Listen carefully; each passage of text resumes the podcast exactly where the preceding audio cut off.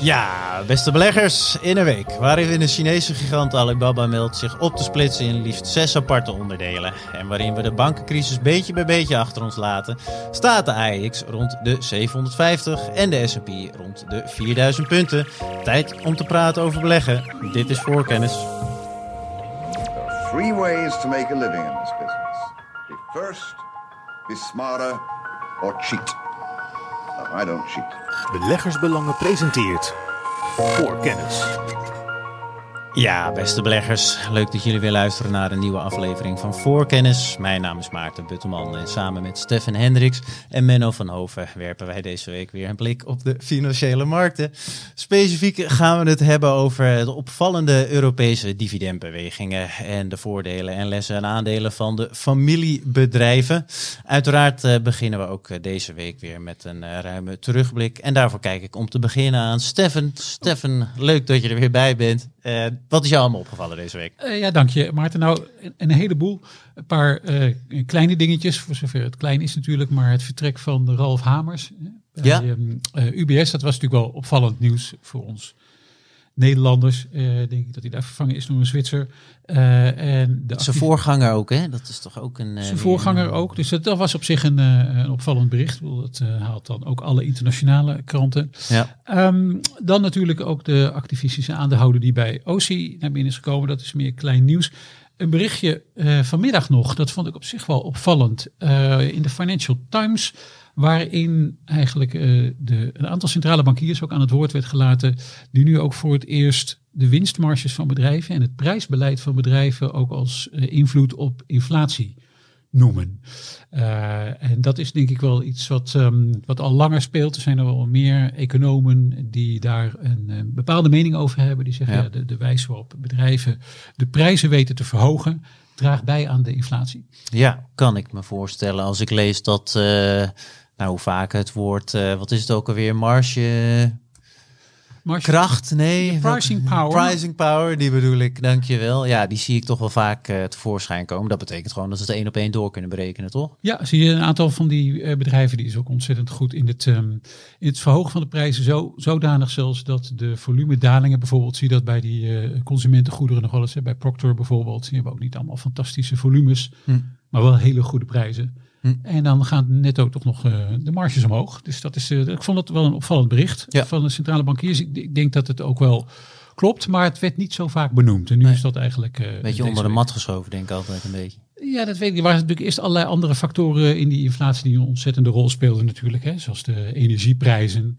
Mm. maar nu, nu komt dit kennelijk ook door bij centrale bankiers. Okay. dan een sector die ik ja, zeggen, een beetje half-half volg. Ja, iedereen volgt het wel op een bepaalde manier, denk ik. De halfgeleide sector.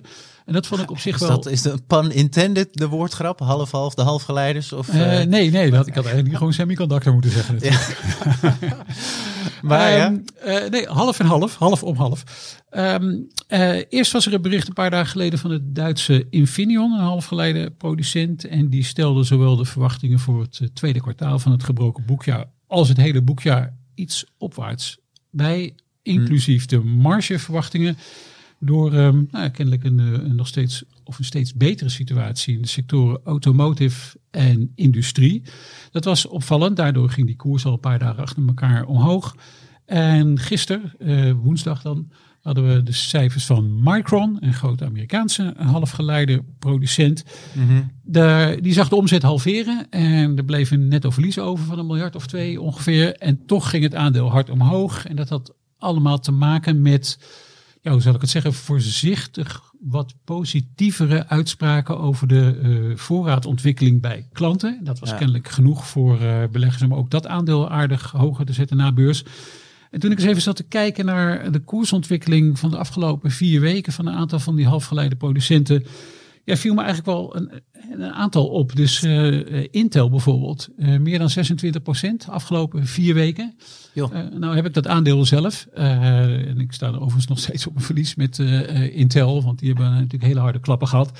Ja. Maar Intel, Nvidia, AMD, die zijn eigenlijk heel erg hard gegaan. Allemaal ja. echt dikke dubbelcijferige rendementen de afgelopen vier weken.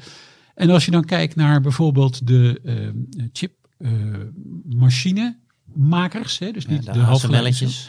De ASML's, maar ook de KLA's, waar we het eh, hier wel eens over hebben Ja. gehad. En Lam Research en Applied Materials, allemaal dat soort bedrijven. Die zijn ook allemaal veel minder hard gegaan. Dus die zijn wel een paar procent omhoog de afgelopen vier weken.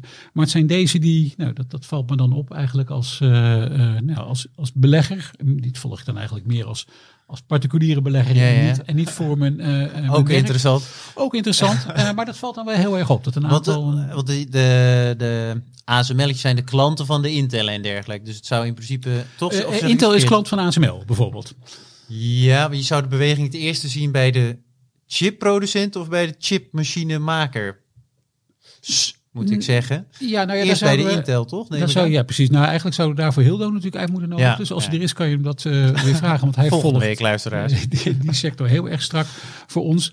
Maar het zijn denk ik dit soort voorzichtige beweringen van zo'n Infineon en van Micron. eh, die beleggers kennelijk wel weer een beetje hoop geven. Ja. Iedereen is er al op zoek van wanneer bodemt dat een beetje uit. Wanneer eh, gaat die vraag eindelijk weer eens een beetje stijgen. Want Ja. je niet de cijfers van eh, Micron, dat was natuurlijk nog wel, eh, de omzet halveerde gewoon hè, van, Ja. ten opzichte van hetzelfde kwartaal van vorig jaar. Van eh, wat is het, 7,7 volgens Pittig. mij naar 3,7. Dus die cijfers as such, die waren natuurlijk echt heel slecht. Ja. En er stond ook een, eh, door voorraadafschrijving ook een dik verlies van eh, 2 miljard.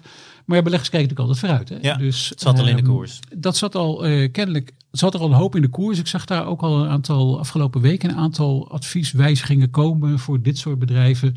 Bijvoorbeeld omdat misschien een beetje de vraag of, of vanuit datacenters, hè, waar halfgeleiders nodig zijn, of PC's, dat die kennelijk een, nou ja, een beetje aan het uitbodemen is. We zullen het gaan zien eh, komend kwartaal.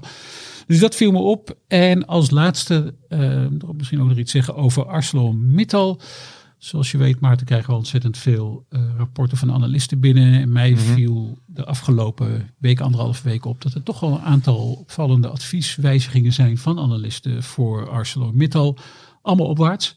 Bijvoorbeeld UBS, die in één keer van verkopen naar kopen gaat. In het koersdoel van 26 naar Gebeurt 30. niet vaak. Dat gebeurt niet vaak. Dat is best een ongebruikelijke stap. Hè. Meestal gaat het voorzichtig halve van verkopen naar houden of van kopen naar houden en dan naar de volgende. Maar dit ging in één keer om. Dus UBS ging in één keer om van verkopen naar kopen. Eh, Bank of America ook redelijk positief over eh, Mittal, ArcelorMittal ook eh, van houden in dit geval naar kopen. Wel een beetje korte termijn allemaal. Dus, eh, dus, dus dankzij eh, ook een beetje voorraadafbouw en beperkte import de komende tijd in Europa van staal. Zouden die staalprijzen een beetje kunnen aantrekken hier. Wat natuurlijk Ah. goed is voor... Niet op eh, basis van goede strategie, of meer omstandigheden die toevallig goed uitkomen. meer omstandigheden. Er wordt eigenlijk wel uitgegaan van de tweede helft van het jaar van wat lagere staalprijzen. En Bank of America gaat ook nog uit van een eh, recessie in de VS in de tweede helft van het jaar. Dus het is niet dat ze zeggen, nou jongens, dit is echt eentje van eh, koop op de plank leggen en lang vasthouden. Ja, ja. Dus het was allebei een beetje korte termijn gericht. Maar het viel me wel op dat er nu een aantal op redelijk korte termijn voor, eh, voor Mittal komt. Ook al natuurlijk omdat het aandeel daarvoor een aardig tikje had gehad. En Ja. dat speelde bij deze eh, analisten ook mee. Dus dat vond ik wel opvallend. Zeker, en toch voormalig in ieder geval eh, beurslieveling was het ArcelorMittal. Al is dat alweer een hele tijd geleden, maar ook altijd een, een leuk aandeel. Dankjewel uh, Stefan. Menno, je zou het haast niet zeggen, maar eh, negen minuten bijna in de podcast. Jij bent er natuurlijk ook. Kijk, dat gaat lekker. Sorry, Laten, laten we je er nou ook eh, bij betrekken. Leuk dat je erbij bent, man. Wat is jou allemaal opgevallen deze week? Nou, sowieso een paar, eh, kom ik zo met een aantal dingen die raakvlakken hebben met hetgeen Stefan net Ja, altijd mooi. heeft gemeld. Dus dat is wel, wel interessant en ja, eigenlijk ook heel toevallig. Eh, ja, wat is me opgevallen? Natuurlijk het sterke herstel van de beurzen. Een paar weken geleden zat ik hier nog in de podcast en dan ging het over oeh, de financials, de banken, crisis, paniek, wat moeten we? En eigenlijk altijd dat soort dingen, dat zijn weer gewoon eh, leuke bijkopen momenten. Ja. Eh, dus ja, dit lijkt ook weer met de sisser af te lopen. En ja, het herstel gaat snel en Het dat is, is lekker. het is inderdaad snel en stilletjes ook gegaan. Dat is altijd het nadeel van zo'n herstel. ja, je hoort idee iedereen daarom. altijd als, het, als de beurs daalt. Ja. En eh, dan heeft iedereen een mening en dit en dat. En eh, ja, eigenlijk moet je het gewoon totaal naast je neerleggen. En gewoon in die goede aandelen blijven beleggen. Hm.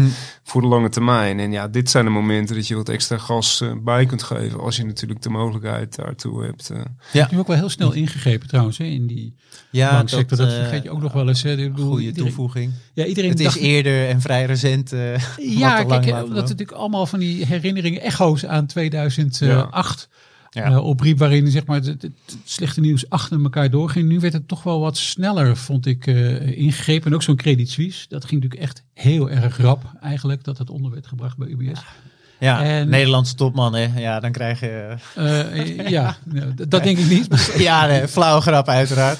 Maar Ja, en ook maar in, in Amerika gegaan, ja. natuurlijk. Dus het is ehm, in, in dat opzicht leren de autoriteiten misschien wel. Dat begint daarna natuurlijk altijd iedereen de moral hazard te roepen. Hè. Dat kan niet. Je kan niet alles maar eh, blijven redden. Maar ik denk dat we uiteindelijk in ieder geval over de stappen die nu zijn ondernomen niet zo heel veel klachten kunnen hebben. Nee, zeker. Oké, sorry. Menno, groene, groene beurzen dus. Yes, eh, ja, en het voordeel is natuurlijk dat ook gewoon de goede aandelen, niet de banken, meegesleurd worden. En dat, eh, ja, dat herstelt weer keihard natuurlijk de laatste dagen. Ja. Maar eh, ja, wat mij eh, opvalt, eh, of is opgevallen, dit is natuurlijk weer de tijd voor mij van de, en voor iedereen eigenlijk op de redactie van de jaarverslagen. Na de jaarcijfers eh, krijg je nu al die eh, jaarverslagen die binnendruppelen. Stefan lacht, want die denkt, ja, goh, ik moet weer duizenden pagina's door, Zo direct. Sorry, ga verder. Nou, ik heb gelijk ook wel een eh, vraag of een opmerking naar Stefan. Want eh, ja, ik- wat ik voor deze podcast heb gedaan, is een aantal eh, jaarverslagen eruit gepikt die Ja. echt opvallen door de speciale layout of de,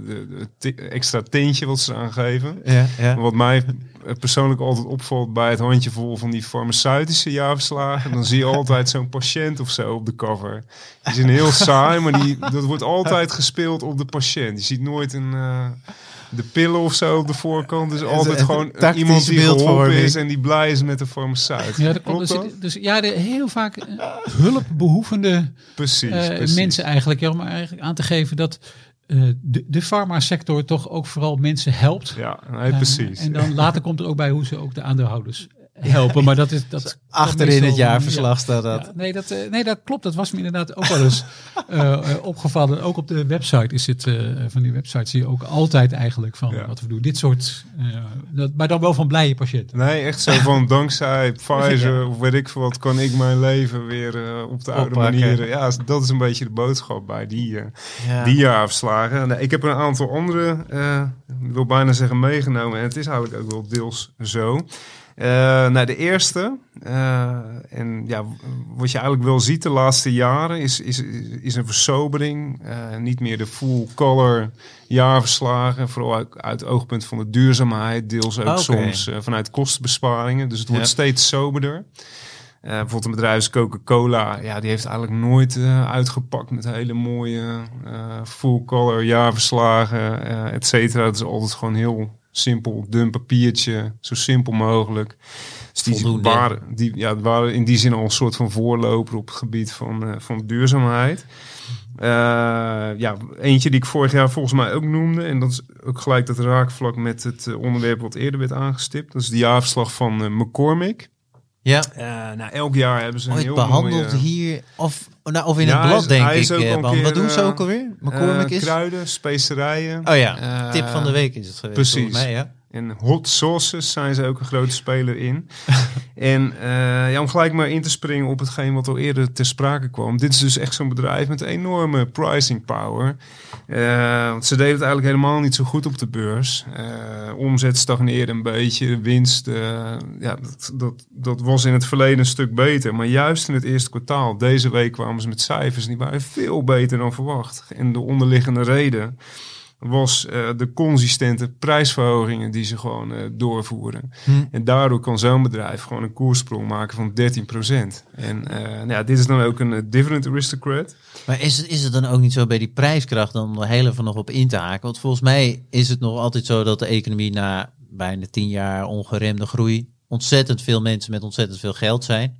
Dat daardoor die prijskracht langer kan eh, huishouden, om het zo maar te zeggen, zonder dat de consument op een gegeven moment gaat zeggen van nou het is nu te, eh, te gort. Zeg maar, we houden ermee op, we kopen het niet meer, omdat er gewoon nog veel geld op de bankrekening zit. Of is dat Nee, ik, Te Cedric, kort. moet Menno daar nog maar wat, wat over zeggen. Maar je ziet natuurlijk wel een verschillen. Er wordt altijd uitgesplitst hè, hoe de omzet zich ontwikkelt. In prijsontwikkeling en in volumeontwikkeling. En je ziet wel degelijk bij een aantal van die, van die grote merken, of nou de Procter is of Unilever, eh, dat die volumes staan wel onder druk. Dus die volumes worden gewoon wel minder.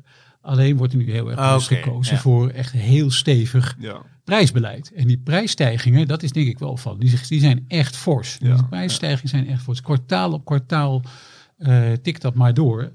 Eh, dus het is niet zo dat, eh, dat die bedrijven het helemaal niet merken. En, en, en men kan over McCormick nog wel wat zeggen zo direct. Maar bijvoorbeeld bij een Procter zag je dat ook wel. Bij een Unilever zie je dat ook wel. Hm. Ehm, maar ja, zolang je het kan compenseren om die prijzen hoog te houden.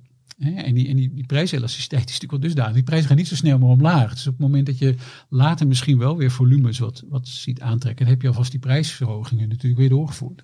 Ja, en, het ga- en het is natuurlijk vooral ook hoe goedkoper relatief je, hoe lager de price point van je product is, ja, hoe makkelijker je eh, je prijzen kunt verhogen zonder dat de consumenten heel snel zeggen van nou dan koop ik eh, nu maar een ander merk Ja. of, een, eh, of een huismerk. Eh, volgens mij bij PepsiCo was het ook echt een ultiem voorbeeld. De CEO die zei zelfs van eh, ja, eh, een zak chips, eh, of die nou eh 20, 30 cent duurder is, je, die koop je toch wel weer de, de, de keer erop. Dan ga je niet ineens een huismerk van je favoriete chips kopen, bij wijze van. Dus hoe kleiner, hoe lager die consumentenprijzen, ja, hoe meer je die prijzen. En ja, dat zie je dus bij dat eh McCormick ook, ja. absoluut. Maar goed, waar- waarom ik het aandeel noem, is dat ze... eh, het is een dividend aristocrat. Dividend 37 jaar op rij verhoogd. En wat ze tot vorig jaar altijd deden met jaarverslag... Die, eh, ja, dan zie ik het echt voor me dat ze hem in een bak met eh, geur of smaakstof doopten... voordat hij in de envelop ging naar de, naar de aandeelhouders toe. Eh, want ze gaan ben je elk niet jaar... teleurgesteld dit jaar, Menno? Nou ja, dat was voor mij altijd wel een hoogtepuntje. Want ik wist dat hij eraan kwam en ik eh, ging gelijk met mijn neus naar die envelop toe. en dit jaar was ik teleurgesteld. Nee, ik, eh, je kunt het ook online allemaal, allemaal zien. En ja, de, de eerste bladzijde werd het altijd aangekondigd en dat was er nu gewoon niet. En dan ga je de kleine lettertjes lezen. En dan zien ze, zie je dus, eh, dus vorig jaar was het nog, eh, was kaneel was de geur van het jaar. Een van hun producten. En eh, toen stond daar de tekst: The irresistible woody aroma of cinnamon was used to send this year's annual report. Nou, dat ontbreekt dus volledig dit jaar. Verzobering alom eh Precies, in de. Precies, en de verklaring is ook letterlijk: As we consider sustainability throughout our business, we mo- have moved to a lighter, condensed printed annual report, and uh, which is also available digitally, wat natuurlijk altijd zo is. Maar je krijgt dus dit jaar niet de kleurenversie, gewoon echt de zwart-wit versie, laat maar zeggen, de simpele versie. En dan wil je de mooie kleuren prints erbij, dan moet je gewoon eh, naar online. Maar het geurtje is eh, ja, voor het eerst in decennia is, eh, verdwenen, dus dat is eigenlijk wel... eh, Zonde? Vind ik heel zonde, ja. Maar goed. Ze hebben wel de podcast weer gered natuurlijk. Ja. Of ze volgend jaar ook weer terugkomen, Ja, dat is zo, betwijfel ik. Maar eh, Oké. dit was eh, famous last moment misschien wel. Ja. Nog meer eh, jaarverslagen eh, die je opvielen? Of Ja, dan- ja, zeker. Een hele leuke ook altijd vind ik Nucor. Staalbedrijf, ook een dividend aristocrat. Dividend nu 50 jaar op rij eh, verhoogd. En ehm, ja, wat die doen, die zetten alle 31.000 werknemers zetten ze op de cover. Dus de eerste pagina van het jaarverslag. En dat loopt dan gewoon 24 pagina's door. In het hele jaarverslag gewoon enorm. En nou, die hebben dus duidelijk veel minder met het eh, hele duurzaamheidsprincipe. Misschien komt dat eh, volgend jaar. Dus die printen gewoon 34 eh, ja, full color pagina's aan eh, namen van werknemers. En, Voor iedereen die denkt dat hij beursanalist wil worden. nog een keer twijfel. Ja, het ziet er gewoon heel bijzonder uit. Er is geen enkel ander bedrijf wat ik ken in de Verenigde Staten sowieso die dit doet. En eh, ja, dat maakt het wel onderscheidend. En Ja. dat doen ze natuurlijk met een reden. Want ze willen benadrukken eh, ja, hoe eh hoog ze... De werknemers hebben zitten. Precies, Ja. dat inderdaad. En Oh, ze het noemen... zijn de, de subtiele signalen waar je ook naar moet kijken. Ja. Nee, dus het gaat niet alleen om de aandeelhouder die al 50 jaar op rij een hoge dividend krijgt. Het gaat ook om het eh, personeel. En die worden daar ook in dat jaarverslag omschreven als teammates. Niet als employees of Ah, welke andere Ah, het term zegt je zeker wat over de cultuur van een bedrijf, als het inderdaad... eh, Absoluut. En, Ja. en, en die, die noemt Nucor dus ook de true value creators van het bedrijf. Dus ja, de, de, de, de, de, de werknemer staat er echt eh, op een eh, voetstuk. Ja. En nou ja, niet die werknemers, die zijn daar allemaal heel erg blij. Ook de aandeelhouders. Ze bestaan nu 50 jaar en elk jaar sinds de beursgang is het, of sinds de dividendbetaling in 1973 is dat dividend verhoogd. En uh, vanwege dat 50-jarig bestaan hebben ze ook mooie staartjes geschreven van wat er allemaal gebeurd is met dividend natuurlijk, maar ook omzet, et cetera, et cetera. Omzet in 72, 1972 was 83,6 miljoen. Nou, vorig jaar was dat 41,51 miljard. Dat is toch best heel aardig voor een uh, ja, heel saai staalbedrijf natuurlijk. Dat is een 13% groei per jaar. En de total return voor beleggers, dus inclusief dividend, uh, was de afgelopen 50 jaar plus 16%. Dus elk jaar 16%.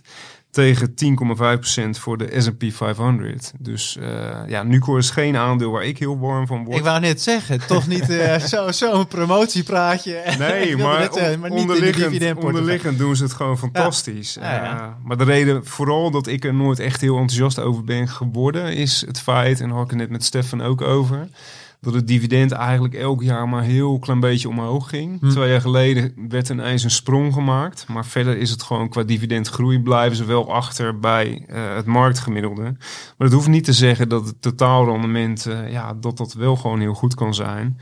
Dus dat is ook weer een manier om, uh, ja, om het van de andere kant te bekijken. En, ja, uh, ja, dit is natuurlijk een sectorgenoot van ArcelorMittal. Nou als zou ik mogen kiezen tussen die twee, dan... Had je het wel geweten? De, absoluut. Ja, nu nog steeds hoor. Dan, uh, dan zou ik altijd voor deze gaan. Ja. Uh, en dus ook gewoon het Dividend Aristocrat. Dus okay. met een heel bijzonder jaarverslag. Mooi. Tot zover uh, de verslaglegging. Ja, ik heb de... er nog een derde. Nog een derde. En uh, die laat ik aan jullie hier zo zien. En uh, die wilde ik uitwerken, maar ook mede vanwege tijdsgebrek en ja, te veel aan content eigenlijk wat we ook voor die podcast verzamelen. Ga ik deze meenemen. Dat wordt de tip van volgende week. Kijk, is een heel aan. mooi aandeel. Ook een Different Aristocrat. En die heeft een heel bijzonder jaarverslag. Maar daar kom ik in de tip van volgende week in Beleggersbelang op terug. Ja, dat is een mooi bruggetje. Mocht je nou dat willen lezen en je bent nog geen abonnee www.beleggersbelangen.nl slash abonneer. En uh, daar staat een mooie aanbieding uh, op je te wachten. We gaan nog heel kort even over het blad uh, hebben. Jullie hebben allebei weer een klein stukje geschreven. Voor jou, Menno, was het volgens mij over casino.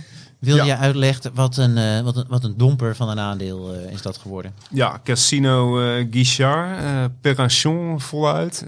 ja, op zich was altijd een heel mooi aandeel met ja, goede aanwezigheid in opkomende markten. Veel mensen die Frankrijk op vakantie gaan, die zullen de hypermarchés wel, wel kennen. En, ja, zijn... Monoprix, toch? Niet, precies, precies. Daar wilde ik nu naartoe. Want vooral in de... ze zijn, hebben een hele dominante pos positie in de grote steden, waaronder Parijs. Uh, ja, ik was toevallig uh, zelf in januari nog in Parijs. En uh, ja, als je dan naar een supermarktje wilt, dan kom je al gauw inderdaad bij zo'n Monoprix. uit. wat dus een van die formules van, van dus een beetje de AH to go, denk precies, ik dan. Of precies, zo. Ja, ja, ja. ja. Dus dat, dat was tot voor kort heel succesvol. Maar ook die business staat nu onder druk. Hm.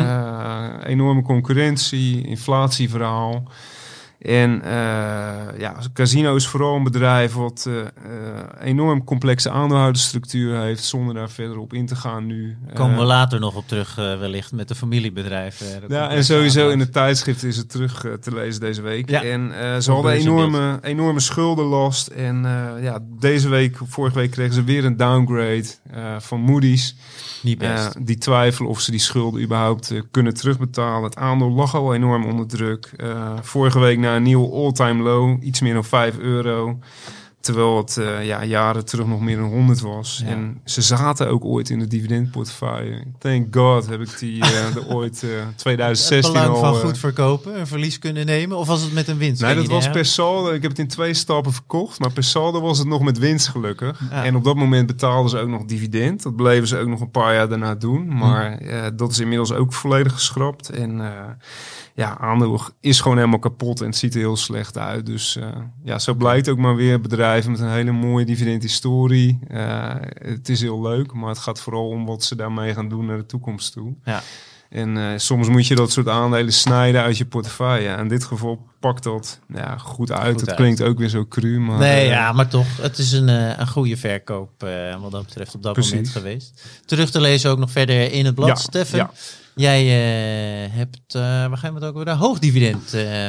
Hoog dividend, want wij brengen een reeks uit met zogenaamde educatieartikelen waarin we gewoon toelichten hoe je bepaalde onderwerpen aan zou kunnen pakken of hoe je er meer van kan weten. En dat hebben we in dit geval gedaan over hoog dividend beleggen. Dat is ook een, een andere manier dan dan dividendbeleggers zoals we die kennen voor de eh, dividendportefeuille. Maar we hebben natuurlijk ook een hoog dividendportefeuille. Ja. Die wordt ook op een bepaalde manier ingericht. Dus waar moet je nou eh, op letten en hoe pak je dat aan? Dat hebben we in een, eh, een, een twee pagina artikel uitgelegd. Schitterende teaser weer. Tijd om verder te gaan. Voor kennis. Want het is eh, tijd voor het eerste hoofdonderwerp. Na een eh, terugblik van 25 minuten mag het ook wel. Gelukkig hebben we maar twee hoofdonderwerpen, dus dat eh, gaat helemaal goed komen. Het eerste onderwerp betreft de opvallende Europese dividendbewegingen. Sinds het eerste dividend ooit eh, begin 1600 werd uitgekeerd, houdt dit fenomeen beleggers in een ferme grip. Zo ook onze eigen dividendgoeroe Menno van Hoven. Leuzen als koersen zijn opinie, dividenden zijn feiten en de koers volgt het dividend zijn geliefde uitspraken van zijn kant. Ook recent gebeurde er weer genoeg op dividendgebied en Menno heeft voor ons de meest opvallende gebeurtenissen op een rijtje gezet. Menno, aan jou het woord. Ja, nou ja, dit is natuurlijk de tijd eh, als je in Europese eh, aandelen belegt om dat dividend te incasseren. Eh, maart is altijd een beetje een aanloopje met vooral wat Scandinavische bedrijven, een paar Zwitserse bedrijven. En eh, ja, het zegt dat ongeveer eh de dividend, aantal bedrijven dat ex-dividend gaat in april verdubbelt ten opzichte van maart. Dus ongeveer twee keer zo groot. En de echte piek, die komt altijd in mei. Dan moet je er nog eens een kwart bij tellen. Ja. En eh, nou, gewoon een heel klein restje in juni. Maar april, dat is een beetje, ja, dan begint het echte vuurwerk. Mei, dan eh, explodeert het aantal. En dan komt heel Frankrijk erbij, eh, Duitsland, eh, Nederland ook. Nou ja, vandaag is een beetje voor mij is, ja, zo, zo ongeveer de aftrap. Randstad natuurlijk, ex-dividend in Nederland. Voor Ja. de dividendportefeuille Sika, zo'n beetje het eerste Europese, in dit geval Zwitsers Zwitserse bedrijf, ja. bedrijf. En eh, ja, eh, ik denk wie een, eh, een beleggingsrekening heeft, die ziet nu bijna elke dag een paar regeltjes erbij komen. dus in die zin zijn het hele mooie tijden. Ja, nee, ja, zonder meer. Leuke Dividend momenten. is cash, wat je weer natuurlijk weer kunt gebruiken om ofwel te herbeleggen, Herbeleggen. of nieuwe posities van in te nemen. Ook voor de dividendportefeuille is een hele belangrijke periode, omdat al die dividenden ja, weer herbelegd kunnen worden. En ja, het meeste inkomen komt altijd gewoon in Q2 binnen. En eh, daar beginnen we natuurlijk eh, volgende week mee. Eh, nou, ik heb een aantal opvallende dividendacties of, of, of groepen, sectoren waar ja, die dit jaar uitspringen voor mij qua dividend. Ja. Eh, Qua nieuws bedoel je dan bewegingen Precies, eh, qua, omhoog, omlaag. precies wat ze ja. ermee hebben gedaan. Ja. Ik heb een hele lange lijst, dus ik eh, ga er gewoon een, ik ga er een paar Prima, uitpikken. joh. En, de eh, luisteraar vindt het echt wel interessant, dus we gaan ervoor zitten. Ik ga even een kopje koffie halen. Ik ben over. is goed, dan ga ik Ga even naar het toilet toe. maar- Vertel. Nee, nou, sowieso. Ik heb, ik heb het toch weer opgeschreven. Vorige keer ook natuurlijk Nederland gedaan. Acomo in Nederland is echt een opvallende uitschieter. 108% erbij dit jaar. Naar een nieuw record van 1,25. ik loop een beetje het alfabet af, dat zul je wel vermoeden. Eh, AB InBev in België, eh, Mhm. plus 50% dit jaar naar 75 cent. En die betalen op jaarbasis nu zo'n 1,3 miljard eh, dividend. Ik, heb, maar ik ga meteen de eerste vraag al. Wat is veel, wat is weinig? Ik hoorde een best wel groot verschil, procentueel 150. Wat is een beetje een gemiddelde om... Ja, je bedoelt qua dividendverhoging of echt. Ik hoor nu net 100 eh, procent, 108 en 57 volgens mij. Nou, het, het interessante is dat de meeste uitschieters die ik hier noem, dat zijn allemaal bedrijven die of in het Oh, voorliggende jaar verlaagd hebben. Ah, Oké, oké. dat is eigenlijk de enige manier dat je op zulke uitschieters kunt komen. Eh, Er zijn natuurlijk wel uitzonderingen. Noem een IMCD, ASML de afgelopen jaren, die gewoon elk jaar met hele grote percentages verhogen. Ja. Maar wat je ja, in Europa toch in de regel ziet, het zijn vaak de bedrijven die het in de voorgaande jaren hebben verlaagd en die nu een inhaalslag maken. Ja. En die dus de grootste verhogingen doorvoeren. Ah, oké. Dus dit zijn ook echt de allergrootste. Dus- percentages die je zal Dus horen. het zijn vaak zeker niet de bedrijven met de sterkste historie van onafgebroken eh, verhogingen slash niet verlaagd. Dat Helder. kan, dat kan nog niet, hè, Maarten, want het moet natuurlijk wel ergens vandaan komen. Dus Ja. uit, eh, als het een cash dividend is, dan moet je het toch ook wel echt cash hebben verdiend Ja, als bedrijf. En het is niet zo, eh, de bedrijven gaan natuurlijk niet zomaar hun, hun operationele cashflow verdubbelen in een jaar onder normale omstandigheden. Hè, precies. Dat dan. is Ah, het. Dus het moet altijd wel een beetje in lijn zijn met natuurlijk. En dan kan je als bedrijf ook kiezen om misschien iets meer uit te keren dan de jaren daarvoor. Maar dat kan natuurlijk niet. Eh, normaal gesproken is die ontwikkeling van zo'n cashflow zo wat geleidelijker. Daarmee de dividendontwikkeling is ook wat geleidelijk. Helder. Precies, want al kijk je dan bijvoorbeeld naar de, ja, de Belgische biergigant AB InBev, betaalde om dit jaar 75%, 50% meer. Maar ga je dan kijken naar het recorddividend van uh, de periode tussen 2015 en 2017, dat was gewoon 3,60 euro per aandeel. En nu zitten ze op 75 cent. Oké, ja. Dus ja, dat zet dingen wel in perspectief. Precies ja, want dat. die hebben we ook ooit overwogen. Men ook toen we begonnen met de hoogdividendportefeuille. Ja, ja. Kwam, kwam die ook langs en toen hadden ze nog dat hoge dividend. Precies. En toen, nou ja, zeg maar één, Ook een hoge schuld. een kolossale schuld naar de eh, overname van eh, SAB Miller. eh, onder andere dus eh, zeg maar een, een korte blik op de balans. eh, het cashflow overzicht en de terugbetalingsschema van de schulden van AB InBev ging er heel snel een streep door dit Ja, aandeel. oké. Helder. Nee, precies. Dus dat zijn wel dingen waar je moet altijd vooruit blijven kijken. Ja. Financiële positie, maar vooral ook van eh, hoe ontwikkelt zich die cashflow en, eh, en, en, en wat kun je verwachten qua dividend de komende jaren. Ja. Eh, en al vergelijk het dan bijvoorbeeld met Heineken, heeft ook thuis corona dividend verlaagd of geschrapt. Maar die zitten nu, als ik me niet vergis, gewoon op een recorddividend dit jaar. En dat maakt wel het verschil in kwaliteit tussen zo'n Heineken en zo'n eh, Ja, en zo'n AB InBev. Dus eh, ja, dan kun je ook alweer raden waar mijn voorkeur altijd zou, eh, naar uit zou gaan. Ongeacht of je het bier lekker vindt of niet. ja, ja. Of ze glutenvrije biertjes aanbieden. Maar dat is weer een andere verhaal. nu niet verder op ingaan. Misschien wel een keer een leuk podcast Ja, onderwerp. nee, we kunnen wel een keer induiken. ja. Genoeg, dus, dus genoeg, het is over AB InBev? Precies. Wat me ook opvalt dit jaar, het zijn de autobouwers en dan vooral de Duitse eh, autobouwers. Eh, enorm hoge dividendrendementen en allemaal ook een, eh, een recorddividend.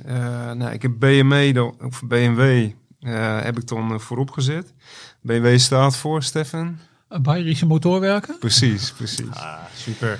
En eh, ja, die autobouwers, ik bedoel, ik ben er geen specialist in. Ik zou er ook nooit in eh, beleggen. Vooral ook door die gemankeerde dividendhistorie. Het is niet in één lijn dat omhoog gaat. Ze betalen dit jaar allemaal een recorddividend. Hmm. Maar er zitten wel gewoon ups en downs in door de jaren heen. Dus in die zin heel onvoorspelbaar eh, wat je krijgt. Eh nou, een BMW die betaalt dit jaar... Want die ups en downs die komen omdat ze economisch cyclisch Ja. afhankelijk zijn. Ja, precies en dat. Hele cyclische, stabiele- eh, Oké, ja. Ja, en die enorme up, denk ik, heeft ook een beetje te maken ehm, met dat, als ik me niet vergis, met dat tekort in die halfgeleiders destijds. Waardoor die autofabrikanten eigenlijk moeten kijken, ja, waar gaan we die, voor welke modellen gaan we dan eigenlijk die halfgeleiders gebruiken? Dat werden dus de, de, de most premium of premium. Oh ja, ja, ja. Ja. ja. Eh, onderdelen. week dat nog Ja, inderdaad. Dus, dus hun gemiddelde verkoopprijs ging omhoog. Ze hebben ongelooflijke marges behaald Ja. eigenlijk. eh, echt onge- ook een beetje ongebruikelijk hoog, hè, als je Ja. dat op een veel langere termijn eh, bekijkt. Ja, en, dat, en daar komt nu een deel van terug naar de aandeelhouders. Ja. Nee, precies. Het is echt een extreem jaar geweest. Als ik ook kijk dan gewoon puur naar de fundamentals van BMW, dan zie je gewoon enorm hoge vrije kaststroom eh 2022, waar dus dat eh, hoge dividend, het dividend gaat dit jaar met eh, van BMW met 47% omhoog naar 8,50 en dat geeft dan nu een dividendrendement van 8,6%, of althans op basis van de slotkoers van gisteren. Vandaag heb ik er niet naar gekeken. Donderdag hebben we het dan over eh, als we deze podcast goed. opnemen. Ik zit zo Ja, te ja. luisteren, dat moet ik eigenlijk zeggen. Die Nee, die heb ik van Johan. eh, die corrigeren mij altijd daarop. Dus dat pak ik nu mee. Heel goed. Maar ja, BMW is, is het niet aannemelijk. Als ik ook kijk naar de analistenvoorspellingen, dan verwachten ze wel volgend jaar weer een flink lager dividend. Dus dat Ja. recordjaar, dat zie je nu terug in die dividenden. Maar dat is geen garantie dat ze dat volgend jaar ook eh, uitkeren. Nee. Sterker nog, de kans is gewoon groot dat je volgend jaar weer een eh, ja, flinke lagere uitkering krijgt. Maar goed, dit jaar is het echt extreem. Eh, ook Mercedes verhoogt de dividend naar recorddividend. Volkswagen plus 16 En ze doen allemaal dividendrendementen van eh, meer dan 7% wat eh, extreem hoog is. Ja. Maar ja, al kijk je dan bijvoorbeeld ook naar de analisten eh, taxatie, of althans de analistenopinie voor een BMW. Dan zie je wel een heel gemengd beeld met 11 keer kopen, 12 keer houden en drie verkoopadviezen. Dus daar spreekt ook wel een beetje uit van ja, heel leuk allemaal. eh, maar eh, ja, ze zijn niet allemaal overtuigd van de potentie. eh, Nee, want ik kan me Koerspotentie van die, voorstellen, ik heb geen idee wat een goede verhouding is van verkoop, koop en houtadviezen. Maar als ik jou zo hoor, blijkbaar bij een lekker aandeel is dat veel hoger, dan veel je, meer ja, dan zie je ze wel eh, overwegend opkopen. Of, Echt eh, 70, 60, 80 procent of zo. Precies, en niet dat Ja, dat, eh, dat dat leidend is voor of Nee, je moet beleggen niet. of niet. Maar het geeft wel aan. Ik bedoel, dit, de- Een deze sector ben ik niet in thuis. Maar ja, dit zegt wel genoeg ook. eh. Want op papier Je gaat niet naar het je- aandeel kijken nu je dit ziet. In ieder Nee, zeker niet. Kijk, al zie je staan een KW van 7 en bizarre ook zo'n BMW. Wat ik net zag, die hebben gewoon 20 miljard in kas. Dat is echt enorm Bizar, ja. financieel solide.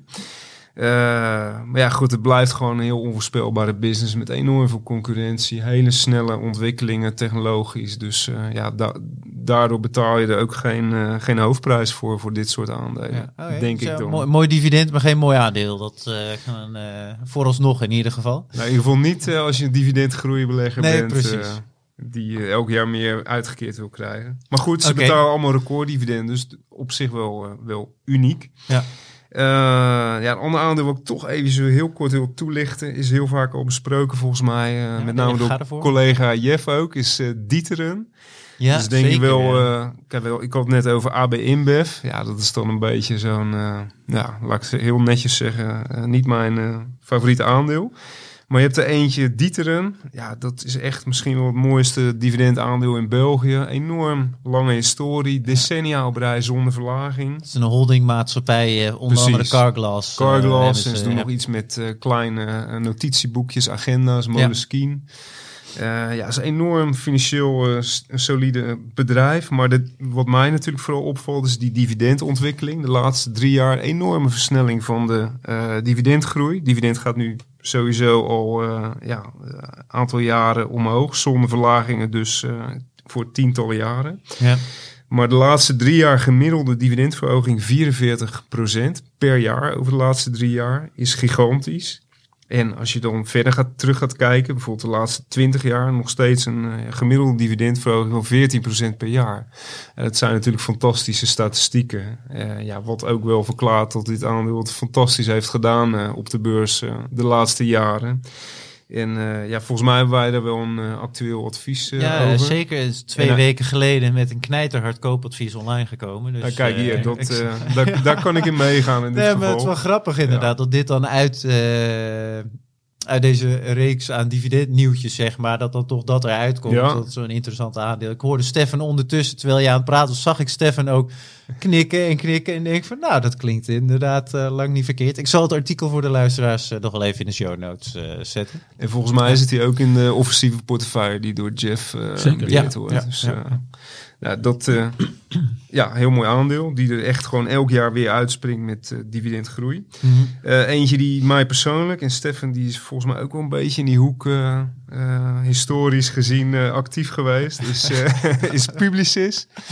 Eh, ja, zat ooit in de dividendportefeuille. Is daar ook uitgegaan. Hebben daarna ook op een gegeven moment het dividend verlaagd. Maar ja, die zijn weer helemaal terug naar de gloriejaren. Aandeel staat op een hoogste koers ooit. Betalen dit jaar een recorddividend van 2,90 per aandeel. 21% erbij.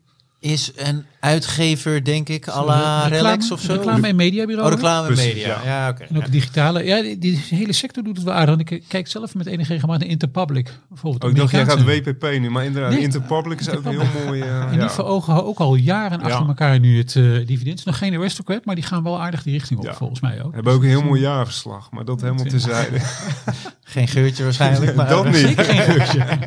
Hij springt er wel uit. Nee, maar het het leuke van een publicist is, eh, ja, wat ik zei, in 2019 ging het dividend met 46% omlaag. Daarmee kwam er een einde aan ja, decennia op rij van stabiele tot groeiende dividenden. Wat Hmm. natuurlijk ook oorspronkelijk de reden was dat ik ze in de dividendportefeuille eh, opnam.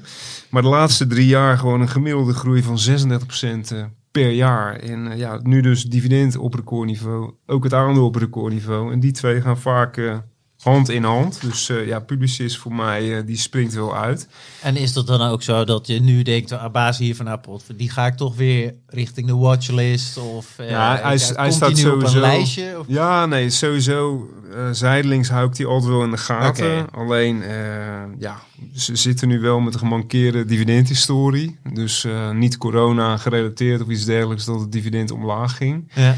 En eh, ja, het is wel een sector, ik vind hem lastig in te schatten op de lange termijn. Ze doen enorm veel overnames. De reden volgens mij waarom ik ze ooit uit de dividendportefeuille heb gegooid, is eh, ja, de opkomst van eh, de advertenties die allemaal naar Facebook gingen Ja, Google, en, ja. en, en Google. En, eh, maar ja, blijkbaar hebben ze toch een eh, businessmodel wat daar eh, tegen bestand is. Ja, die sector is best wel aardig terug Ja. aan het komen. Want ook Omnicom en inderdaad ook zelfs, zelfs WPP. Ja. Nee, precies. En, maar de vrees was juist dat door die ontwikkeling van alles wat maar meer naar Facebook ging, dat die reclamebedrijven dat die ja, eraan ten onder zouden gaan. Maar dat valt dus heel erg mee. Ja, Interpublic hangt de hele tijd voor mij tegen de hoogdividendportefeuille.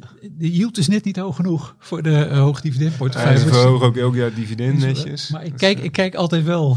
Het is wel eentje die ik voortdurend in de gaten hou. Maar ik kan me wel voorstellen, het is op zich wel leuk dat als we, eh, dit is dan een markt die is eh, door nieuwe spelers, zeg maar, tussen haakjes heel even kapot gemaakt. Maar op een gegeven moment, ze hebben wel heel veel oude kennis en zij maken die nieuwe kennis zich dan eigen. Dan hebben ze nog wel een verkoopapparaat natuurlijk om dat uit te zetten. Is dat misschien een... Nou, het, eh, het is- zou natuurlijk ook het digitaal bij. Dus de, de- digital advertising is natuurlijk Ja. niet iets wat dan helemaal langs en heen is gegaan. Er zijn ook heel veel overnames in geweest. Ja, door, precies. eh, Bijvoorbeeld, Publicis gewoon vorig jaar negen overnames weer. Die blijven gewoon rijgen van ook nieuwe technologieën, digitale eh, advertentie eh, Ja. of reclame. Ja, eh, reclamecampagnes moeten ja. natuurlijk nog wel eh, gemaakt worden.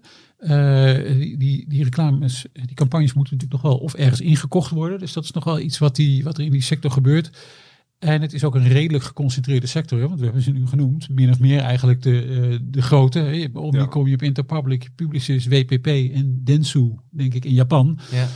En dan ben je er wel een beetje qua grote netwerkbureaus. Al die merken hangen daaronder. Want het is als je, wel eens, als je daar wel eens een jaarverslag bekijkt, het wemelt van de dochterondernemingen Ja. in allerlei verschillende Ja, landen. ja. Eh, dus dat, dat is wel iets van die sector. Maar het is een verder een redelijk geconcentreerde sector. Oké. Nee, en het, vol- volgens mij is vooral bij die hele grote bedrijven, wat natuurlijk de klanten zijn van dit soort reclamepartijen, ja, die, of die zeggen van we gaan het helemaal zelf doen, of we besteden het uit. En dat is de overweging. En Ja. dan is blijkbaar ja, toch eh, in veel gevallen gunstiger om het door zo'n enorm gespecialiseerd bureau te doen met overal oplossingen voor. Dan dat je gewoon zelf je hele advertentiebudget eh opsoepeert, laat maar zeggen, Ja. aan een Facebook of een... eh, Ja, Oké, En dat welk eh, kanaal kan ook. zeker. Dus die is, die is ook teruggeweeg geweest. eh, Abso- absoluut, absoluut. Ja.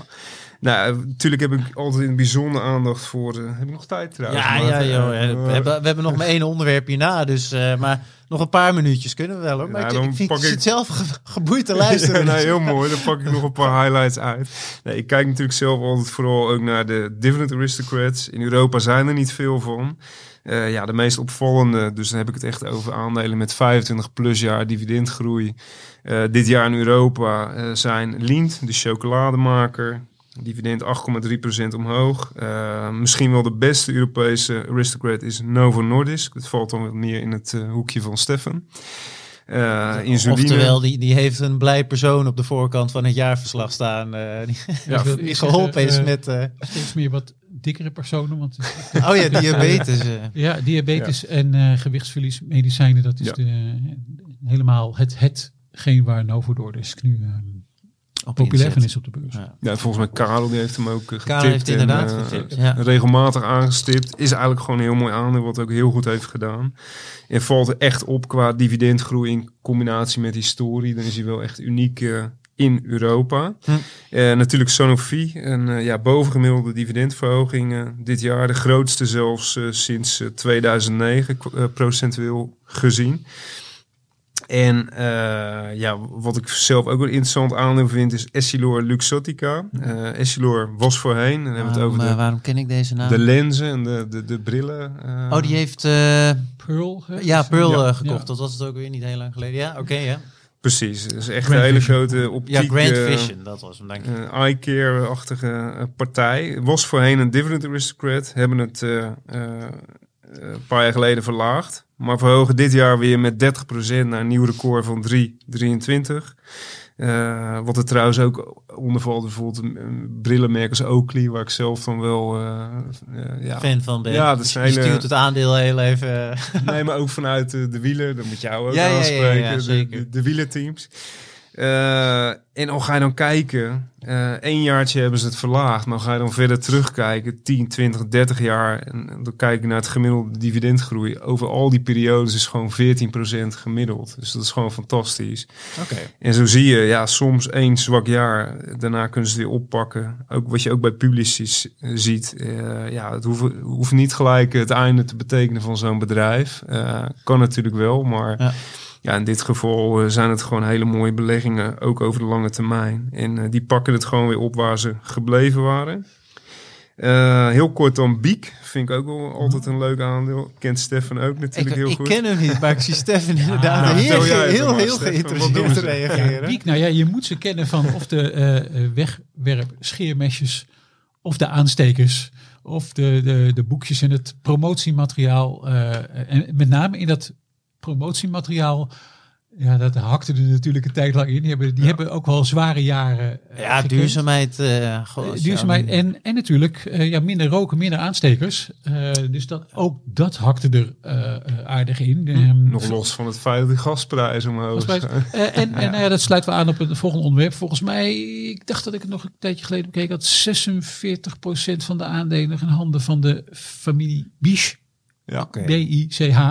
Eh, dus ook een familiebedrijf eigenlijk, waar we straks erover gaan hebben. Maar ja, ja nee, ze zijn een bekende naam.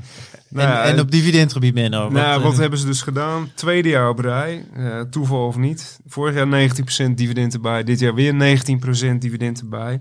Maar dat volgt wel op twee jaren van forse dividendverlagingen voor boekjaren 2020 en 2019.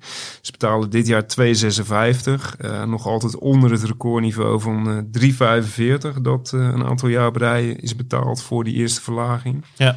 En het aandeel doet het ook best wel weer goed de laatste tijd. Na echt een aantal, ja, vijf, wel, vijf dramatische beursjaren heb ik hier opgeschreven. En dat was ook echt gewoon zo.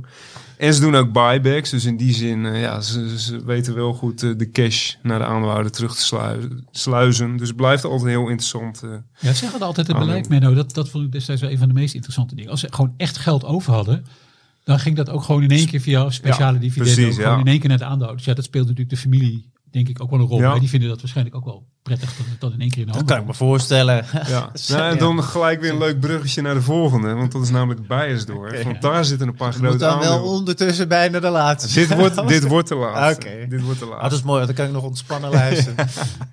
Nee, Bayersdorf. Ik heb het vorige podcast volgens mij ook al genoemd.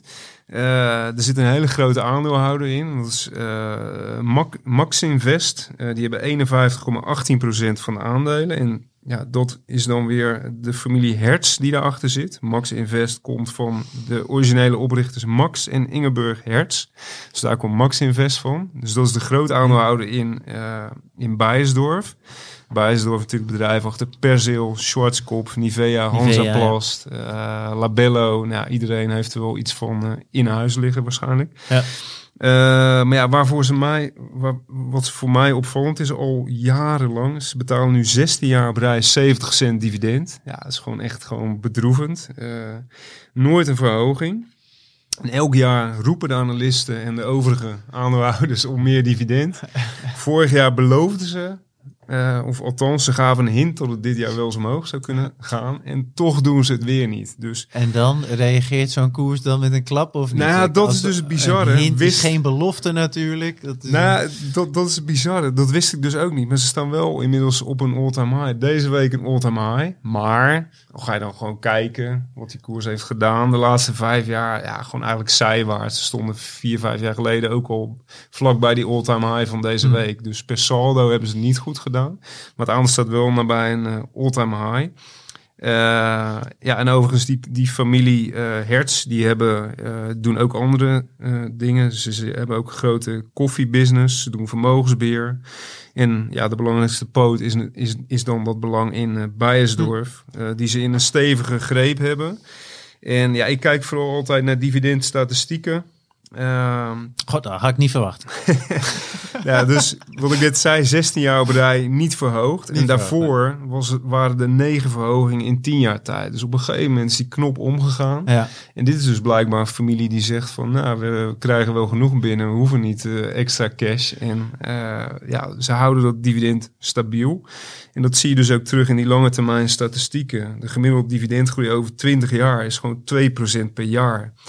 En ja, hoe, hoe korter natuurlijk je naar het heden gaat, hoe eh, dramatischer dat wordt. En eh, ja, dat, dat is gewoon treurig. En dat resulteert erin dat het dividendrendement nu slechts 0,6% is. En eh, ja, het is gewoon wel een bedrijf dat Ook gestaag door de verder hoogste groeit. koers, vermoedelijk.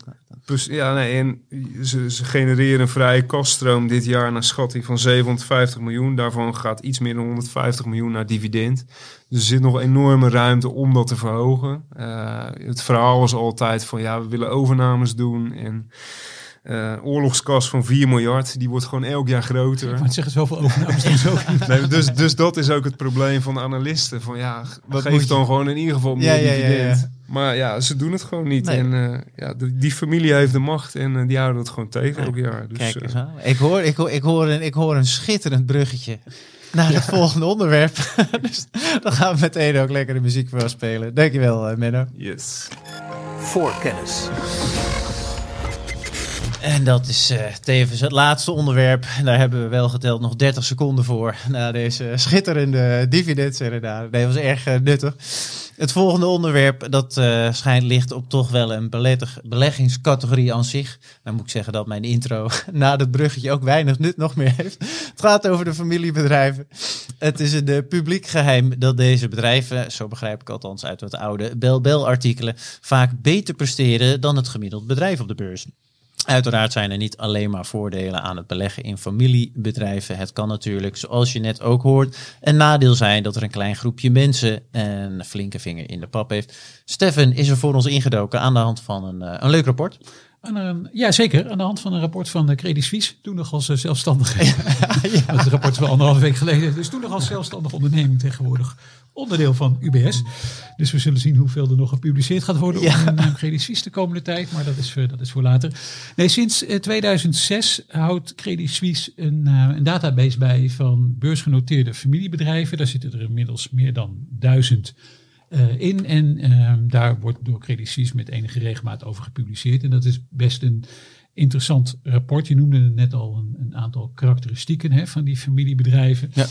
Nou, bij, bij Credit Suisse, de vraag natuurlijk eerst al is, wat is een familiebedrijf? En dan, eh, die definitie is wel wat ruim, moet ik zeggen, bij Credit Suisse. Zo komen ze aan die ongeveer duizend, over de hele wereld overigens, dus niet alleen in de westerse wereld. Eh, bij Credit Suisse ben je een familiebedrijf op het moment dat de, eh, de oprichter of oprichters of de nazaten ervan eh 20% van de aandelen Ah, en stemrecht Ja. in handen hebben. En dan zie je dus dat je bijvoorbeeld in Amerika ja, familiebedrijven hebt als Meta. Ik wou net zeggen, ik zag die, eh, ik heb het rapport even kort ingezien. Ja, Tesla, eh, eh, om maar eens wat te noemen. Dat is dan opeens ook een familiebedrijf. Dus dat trekt de boel wel een beetje scheef. Ja, ja, ja, dus ja, dat is dan Gevoelsmatig. bijna een beetje flauw. Maar er, zitten, er zitten ook wel alle gelukkig. En er komen denk ik zo direct nog op. Ook nog wel andere bedrijven in die... eh, De Walmarts. Ja, en, eh, in die enorme database. Eh, dus het, het, het is sowieso een interessant rapport met een aantal eh, interessante conclusies. Het zijn natuurlijk wel wat algemene conclusies. Dus misschien kunnen we straks nog wel wat eh, individuele voorbeelden eh, behandelen. Maar je had het inderdaad al over het, het rendement. Dus volgens Credit Suisse is het, eh, ligt het gemiddeld rendement van deze familiebedrijven eh, jaarlijks 3 procentpunt boven dat van niet-familiebedrijven. En dan is het allemaal gecorrigeerd voor marktwaarde en voor eh, sectorsamenstelling. Nou, de omzetgroei is gemiddeld eh, wat sneller, eh, een paar procentpunt. De EBITDA-marge, dus de operationele winstmarge, is wat hoger. De schuldpositie is gemiddeld wat lager. Eh, dividend payout is iets hoger. Nou, daar hebben we het net over gehad. Hè. De familie die misschien zichzelf Ja. graag wat meer wil betalen. Ehm, en ehm, er zijn natuurlijk ook, en dat is op zich wel een, vind ik een interessant ding en iets waar je als belegger ook wel wat mee moet. Eh, veel vaker, eh, drie keer zo vaak, eh, volgens het rapport van Credit Suisse, hebben die familiebedrijven ook meerdere aandelenklassen. En dat wordt natuurlijk gedaan om ervoor te zorgen dat het stemrecht ligt bij degene bij wie het stemrecht zou moeten liggen, volgens de familie. Waardoor je als buitenstaander aandeelhouder soms niet altijd evenveel te vertellen hebt. En dat is natuurlijk ook eigenlijk het, het grootste kritiekpunt wel, denk ik, op, uh, op familiebedrijven. Dat je misschien niet, nou ja, optimaal, als niet-familielid, misschien niet optimaal kan profiteren van uh, bijvoorbeeld een overname, omdat de familie dat helemaal niet wil. Ja. Ja, oké. Okay. Dus Heineken heeft een hele pittige. Heineken, ja, zeker. Ja? Heineken is ooit wel eens volgens mij uh, uh, um, in play geweest, zoals de Engelsen dan zeggen. Ik dacht SAB Miller, die uh, ooit wel eens iets zou willen, een beetje gesnuffeld heeft aan Heineken, maar daar had de familie geen zin in. Nee. Okay. Eh, voor- en nadelen is, je kunt natuurlijk zeggen, oh, maar dan had Heineken had overgenomen kunnen worden. En dan had je misschien als aandeelhouder een mooie premie gehad. Nou, dat is waar. Maar aan de andere kant, uh, als je bijvoorbeeld, we hebben het net gehad over uh, AB InBev, dat is overigens ook een familiebedrijf. Als je nog eens een, um, hoe moet ik dat nou zeggen? Als je nou nog eens gewoon een hele grappige aandeelhoudersstructuur wil zien, yeah. dan moet je eens naar de website van AB InBev gaan. Naar een shareholder structure gaan kijken. Uh, en dan kijken of je daar wijs uit wordt. Als, uh, uh, ik heb gezegd zelden zo'n soort aandeelhoudersstructuur gezien met alle artikelen die daarbij horen. Oké, okay. ik zal um, even een linkje in de show notes Ja, die moet je eigenlijk wel even doen. Het, is, ja. het, is een, het levert gewoon een bizar plaatje op. Eigenlijk. Dat is, maar om terug te komen op Heineken, een van de redenen natuurlijk die best positief is, is dat Heineken zich ook niet in die enorme overname een strijd heeft geworpen in die, in die hele consolidatieslag in die biersector. Dat heeft Heineken op een iets meer bescheiden schaal gedaan. En dat had natuurlijk te maken met de financiering, onder andere. Hm. dat je natuurlijk als familie ook liever niet je belang ziet verwateren. Dus nee. uitgifte van extra aandelen liever niet doet. Uh, en daardoor krijg je eigenlijk een wat, uh, nou ja, soms een wat, vind ik, wat gunstiger strategie. Want bij AB InBev, nou daar hebben we het net over gehad, die hebben zich natuurlijk, die hebben een paar uh, overnames gedaan. Op een gegeven moment hadden ze, uh, zeg ik heel eventjes nu uit mijn hoofd, geloof ik, een netto schuldpositie van rond de 110, 115 miljard dollar. Uh, ja, vond ik eerlijk gezegd gewoon krankzinnig. En nou ja, daar zijn ze eigenlijk dus nu nog een beetje, tot bijna op de dag van vandaag, bezig om dat te verteren. Ja. En dat is eigenlijk niet zo heel erg gunstig. Um, en het laatste kenmerk uit dat Credit Suisse rapport was in ieder geval dat de gemiddelde uh, uh, zeg maar levensduur van een topbestuurder daar wel wat langer is. Dus uh, 40% van die familiebedrijven heeft een CEO zitten die al minimaal 10 jaar op die plek zit tegen 15% voor de niet-familiebedrijven. Ja. Dus daar zie je wel een, een en duidelijk stabiliteit is dat, is denk voorspelbaarheid erg fijn voor beleggers, aandeelhouders. Ja, wat meer geduld, denk ik. Van de, Ook, ja. Uh, een van de familiebedrijven, in ieder geval een bedrijf dat altijd een groot aandeelhouder heeft gehad, is L'Oréal bijvoorbeeld. De familie Betancourt. Oh, ja. Nou weet ik niet meer uit mijn hoofd, maar ik denk dat L'Oréal inmiddels pas aan zijn zesde topman toe is, geloof ik. In ik weet niet hoeveel jaar. Nou, dat zegt wel iets. Het heeft ook iets te maken natuurlijk met de aard van de business, want dat is ook wel vond ik opvallend uit dat rapport. Volgens Credit Suisse komt zo'n 30% van de familiebedrijven uit de sectoren consumer staples of consumer discretionary. Oh ja? Nou ja, consumer staples, dan hebben we het dus over voornamelijk voeding en drank. Dus we hebben al net uh, Heineken bijvoorbeeld uh, genoemd. Maar consumer discretionary, daar valt dus eigenlijk alles onder, zoals luxe goederen bijvoorbeeld. Dus denk aan een uh, LVMH of een Kering of nee, ook uh, L'Oréal, Ja. Estée Lauder in, in de Verenigde Staten. Uh, maar ook die autofabrikanten, BMW noemde Menno bijvoorbeeld. Nou ja, die hebben een enorme oorlogskas. Maar er zit de familie Kwant. Uh, ja, de, de dochter heet Klatten, Susanna Klatten. Een familie die een beetje buiten schot blijft, maar eens in de zoveel tijd wel eens verschijnt in de uh, Duitse pers als er weer eens overheen. Ik wou net zeggen, ja. ik heb zo'n boek gelezen. Ja, dus ja, ja er, er zit natuurlijk ook nog allemaal een bepaalde oorlogsgeschiedenis ja. achter, die ook niet altijd even fantastisch is natuurlijk. Maar dat soort bedrijven, dus in, juist in die sectoren zie je zeg maar, een relatieve oververtegenwoordiging van familiebedrijven. En dat deed me ook wel een beetje denken aan een boek dat ooit is geschreven door uh, Amerikaanse uh, econoom en aandelenmarktdeskundige Jeremy Siegel. Dat is wel een vrij ja. bekende naam. Uh, hij heeft geschreven het boek Stocks for the Long Run. Dat kent iedereen wel. Maar hij heeft ook nog een ander boek geschreven. Dat heet The Future for Investors. En daarin noemt hij ook eigenlijk aandelen die maar door en door blijven gaan. En welke bedrijven bestaan er nou heel erg lang? En dan zie je ook, nou, in die lijst komen dus ook heel veel bedrijven uit dit soort sectoren terug. Hè? Die consumer staples en die consumer discretionary en soms ook uh, uit de, uit de pharma-hoek.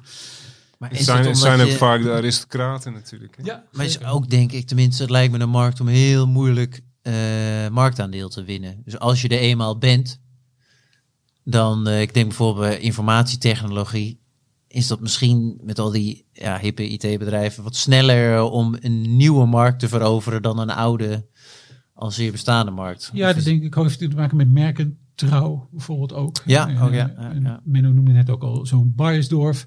Ja, als iemand aan de, weet ik veel, de Nivea uh, shampoo is of de uh, Labello uh, lipstick, ja, en het bevalt, ja. Dan, dan, blijf je dat in principe. Ja, de pleisters natuurlijk. De pleisters, dus, dus dat, soort, uh, dat soort bedrijven zijn, ja, zijn daardoor ook heel erg oververtegenwoordigd. Uh, een van de opvallende wel, die ik natuurlijk altijd in het verleden heb gevolgd, vind ik Roche. Dat is al vrij bijzonder in de farma-sector.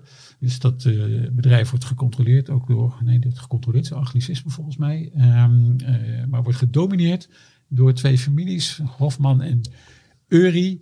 En ook Roche had had misschien een uh, slachtoffer van een overname kunnen zijn. Want ooit heeft Novartis wel eens wat geprobeerd. Die dachten, nou, dan kunnen we in Basel praten. In plaats van twee grote farmaceuten maken we er één van.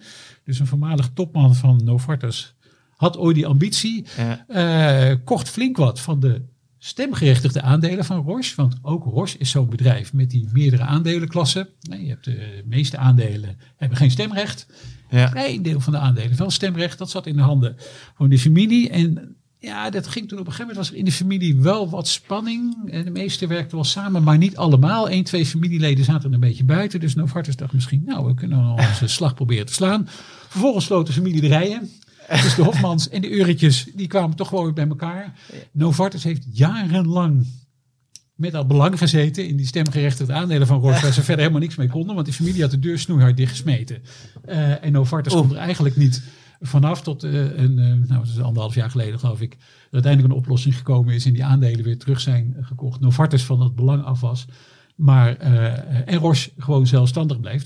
Anders was Roche waarschijnlijk wel overgenomen destijds door Novartis. En daar kun je ook afvragen, was dat nou uiteindelijk wel of niet een, een goed idee? Um, ik, ik, vermoed van niet, want groter is ook niet altijd beter in die farmacie. Maar het is in ieder geval wel iets waar je dus... Ja, het is zeer tekenend echt wel rekening mee moet houden. Ja, want dat lijkt me ook, was met name benieuwd of dan wel eens gebeurt dat zo'n familie in één klap van zijn belang af wil. Of is dat iets wat echt nooit gebeurt? Dat op een gegeven moment zeggen van nou joh, we hebben de 30 procent.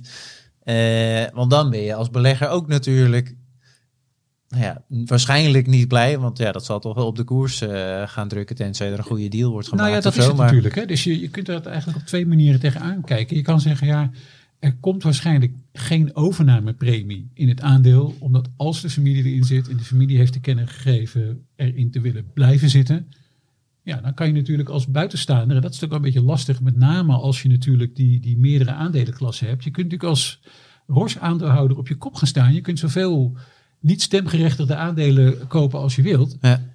Maar je hebt dus niks in de melk te brokkelen. Helemaal niks. Dus op het moment dat de families Hofman en Uri zegt, nou we zijn helemaal niet in voor een overname. Of nou Vartas hier nou uh, op de deur staat te kloppen of uh, bijna met een stormram naar binnen wil. Mm -hmm. ja, voor ons verandert het verder niet. Ja, dan zit er dus nooit een uh, overnamepremie in. Er zijn wel wat volgens mij de luxe goederen sector soms wel wat familiebedrijven die dan gekocht worden. Waar de familie misschien wel, uh, wel wil cashen. Hmm. Dus het, het kan wel. Ik heb niet zo 1, 2, 3, ik weet niet of men nou voorbeeld heeft van uh, een voorbeeld van een familie die zich graag heeft laten uitkopen. Dus de meeste ah, het zal ook nooit tegen een slecht bod zijn. Naar alle waarschijnlijkheid, als ze het doen, dan zal de begeleiding wel van dusdanig niveau zijn en de belangen zo groot dat er op een goede manier mee om wordt gegaan. Ik had zelf nog één allerlaatste vraag, want we zijn wel ondertussen ruim, ook al hebben we maar twee onderwerpen door de tijd heen. Um, hoger rendement kwam er vrij duidelijk uit dat onderzoek nu uit. Dus ja, volle bak in familiebedrijven, Stefan. En toch gaat niemand dat doen. Uh, nee, misschien niet precies om die reden. God, waarom zou dat zo zijn? Het zou misschien mee te maken kunnen hebben dat zo'n. Kijk, dan moet je ook wel willen beleggen als die familie eigenlijk. Hè? Dus dan moet je er ook voor de hele lange termijn in zitten. Uh, maar er ja, oké. Okay. Er zijn ja. ook een paar interessante voorbeelden. Want bijvoorbeeld uh, uh, Merck heeft Menno in het Duitse merk Ja. in de dividendportefeuille zitten. Ja, wordt ook, is ook een familiebedrijf. Ja, dus is maar een, een, een, klein deel van het kapitaal is vrij verhandelbaar. De rest zit gewoon bij E-merk KG in bezit. Uh, nou ja, dat is niet voor niks dat Menno die portefeuille heeft genomen. Dat is ook een bedrijf met een hele goede lange termijn strategie. Uh, Orkla, Menno, is er ook eentje, om maar zo te noemen, uit uh, de familie Hagen. Stein Erik Hagen, geloof ik, zit daarin. dus het is niet zo dat als het een familiebedrijf is, dat je er dan maar blind in moet rennen. Het is denk ik wel goed om aandacht te besteden aan de aandeelhouders structuur. Ja. En om te kijken hoe die functioneert. Want uh, volgens mij vroeg jij mij voorafgaand aan de podcast. Heb je zelf, hoeveel heb je nou belegd in die familiebedrijven? En heb je ervaring mee nou? Ik heb in ieder geval één keer een hele slechte ervaring gehad met, met het aandeel Tussengroep. Dat was echt een van mijn slechtste beleggingen ooit. Uh, echt zo'n buikpijnbelegging. En ja, een, een allegaartje toen. Liften, uh, scheepswerven, staal, van alles en nog wat. Uh, overduidelijk ging het niet goed. En een van de redenen waarom het niet goed was, is omdat de groep Stiftung, die daar groot aandeelhouder was, de stichting ja. uh, van de oprichtende families ooit, ja, die was eigenlijk qua beleid niet zo heel erg sterk. Dus daar vlogen nog wel eens links en rechts wat topmannen en vrouwen en laan uit. Ondertussen eigenlijk werd het bedrijf onvoorstelbaar slecht bestuurd, verkeerde overnames. Okay. Nou, toen kwam er uiteindelijk nog een activistische aandeelhouder. En ik dacht, nou samen met die familie gaat hij wel wat doen. Maar dat liep ook echt helemaal spaak. Ik zag, ik zag al fantastische waarden in. Die, die oh, de liftdivisie wordt verkocht en misschien staal nog. Dus ik begon al een beetje te rekenen. nou, dat, dat moet. Ik geloof dat ik ze ergens, nou ja, zo rond de uh, 15, 16, misschien nog ietsje hoog had gekocht. Nou, dan moet er een dik over de 20, 25 kunnen uh, opleveren. Maar nee. Uh, wat gewoon een totale ramp. Het, en, nu staan ze volgens mij 6 euro en 50 cent. Liftdivisie verkocht. Het, eigenlijk het hele bedrijf wordt aan stukken geslagen. Uh, ondertussen zit die stichting daar nog maar in. Uh, ja, en, en, er is eigenlijk nooit wat te goede veranderd. Dus, het is, dus je moet denk ik ook wel kijken hoe bestuurt ja. uh, zo'n zo, zo groot aandeelhouder, een stichting, een familie. Ja. Wat doen die nou eigenlijk? Wat voor strategie hebben die? Wie zit daar bijvoorbeeld ook in zo'n stichtingsbestuur? Um, nou ja, het is dus niet zo, ondanks deze cijfers van Credit Suisse, dat je zegt, nou, ik ren er gewoon maar inderdaad blind in. Want als er een familie in zit, dan zal het wel goed zijn. Ja. is het voor de lange termijn altijd goed. Maar het is wel interessant het om rekening mee te zeker, houden. zeker een heel mooi uh, perspectief. Oké, okay, dankjewel uh, daarvoor ook, uh, Stefan. En dachten wij met twee hoofdonderwerpen lekker snel klaar te zijn. deze week is het ondertussen de langste uitzending in de geschiedenis geworden van Voorkennis. Dankjewel Menno, dankjewel Stefan en de luisteraar uiteraard. En de kijker, dank voor het kijken en het luisteren. Volgende week is Johan er weer. Tot dan.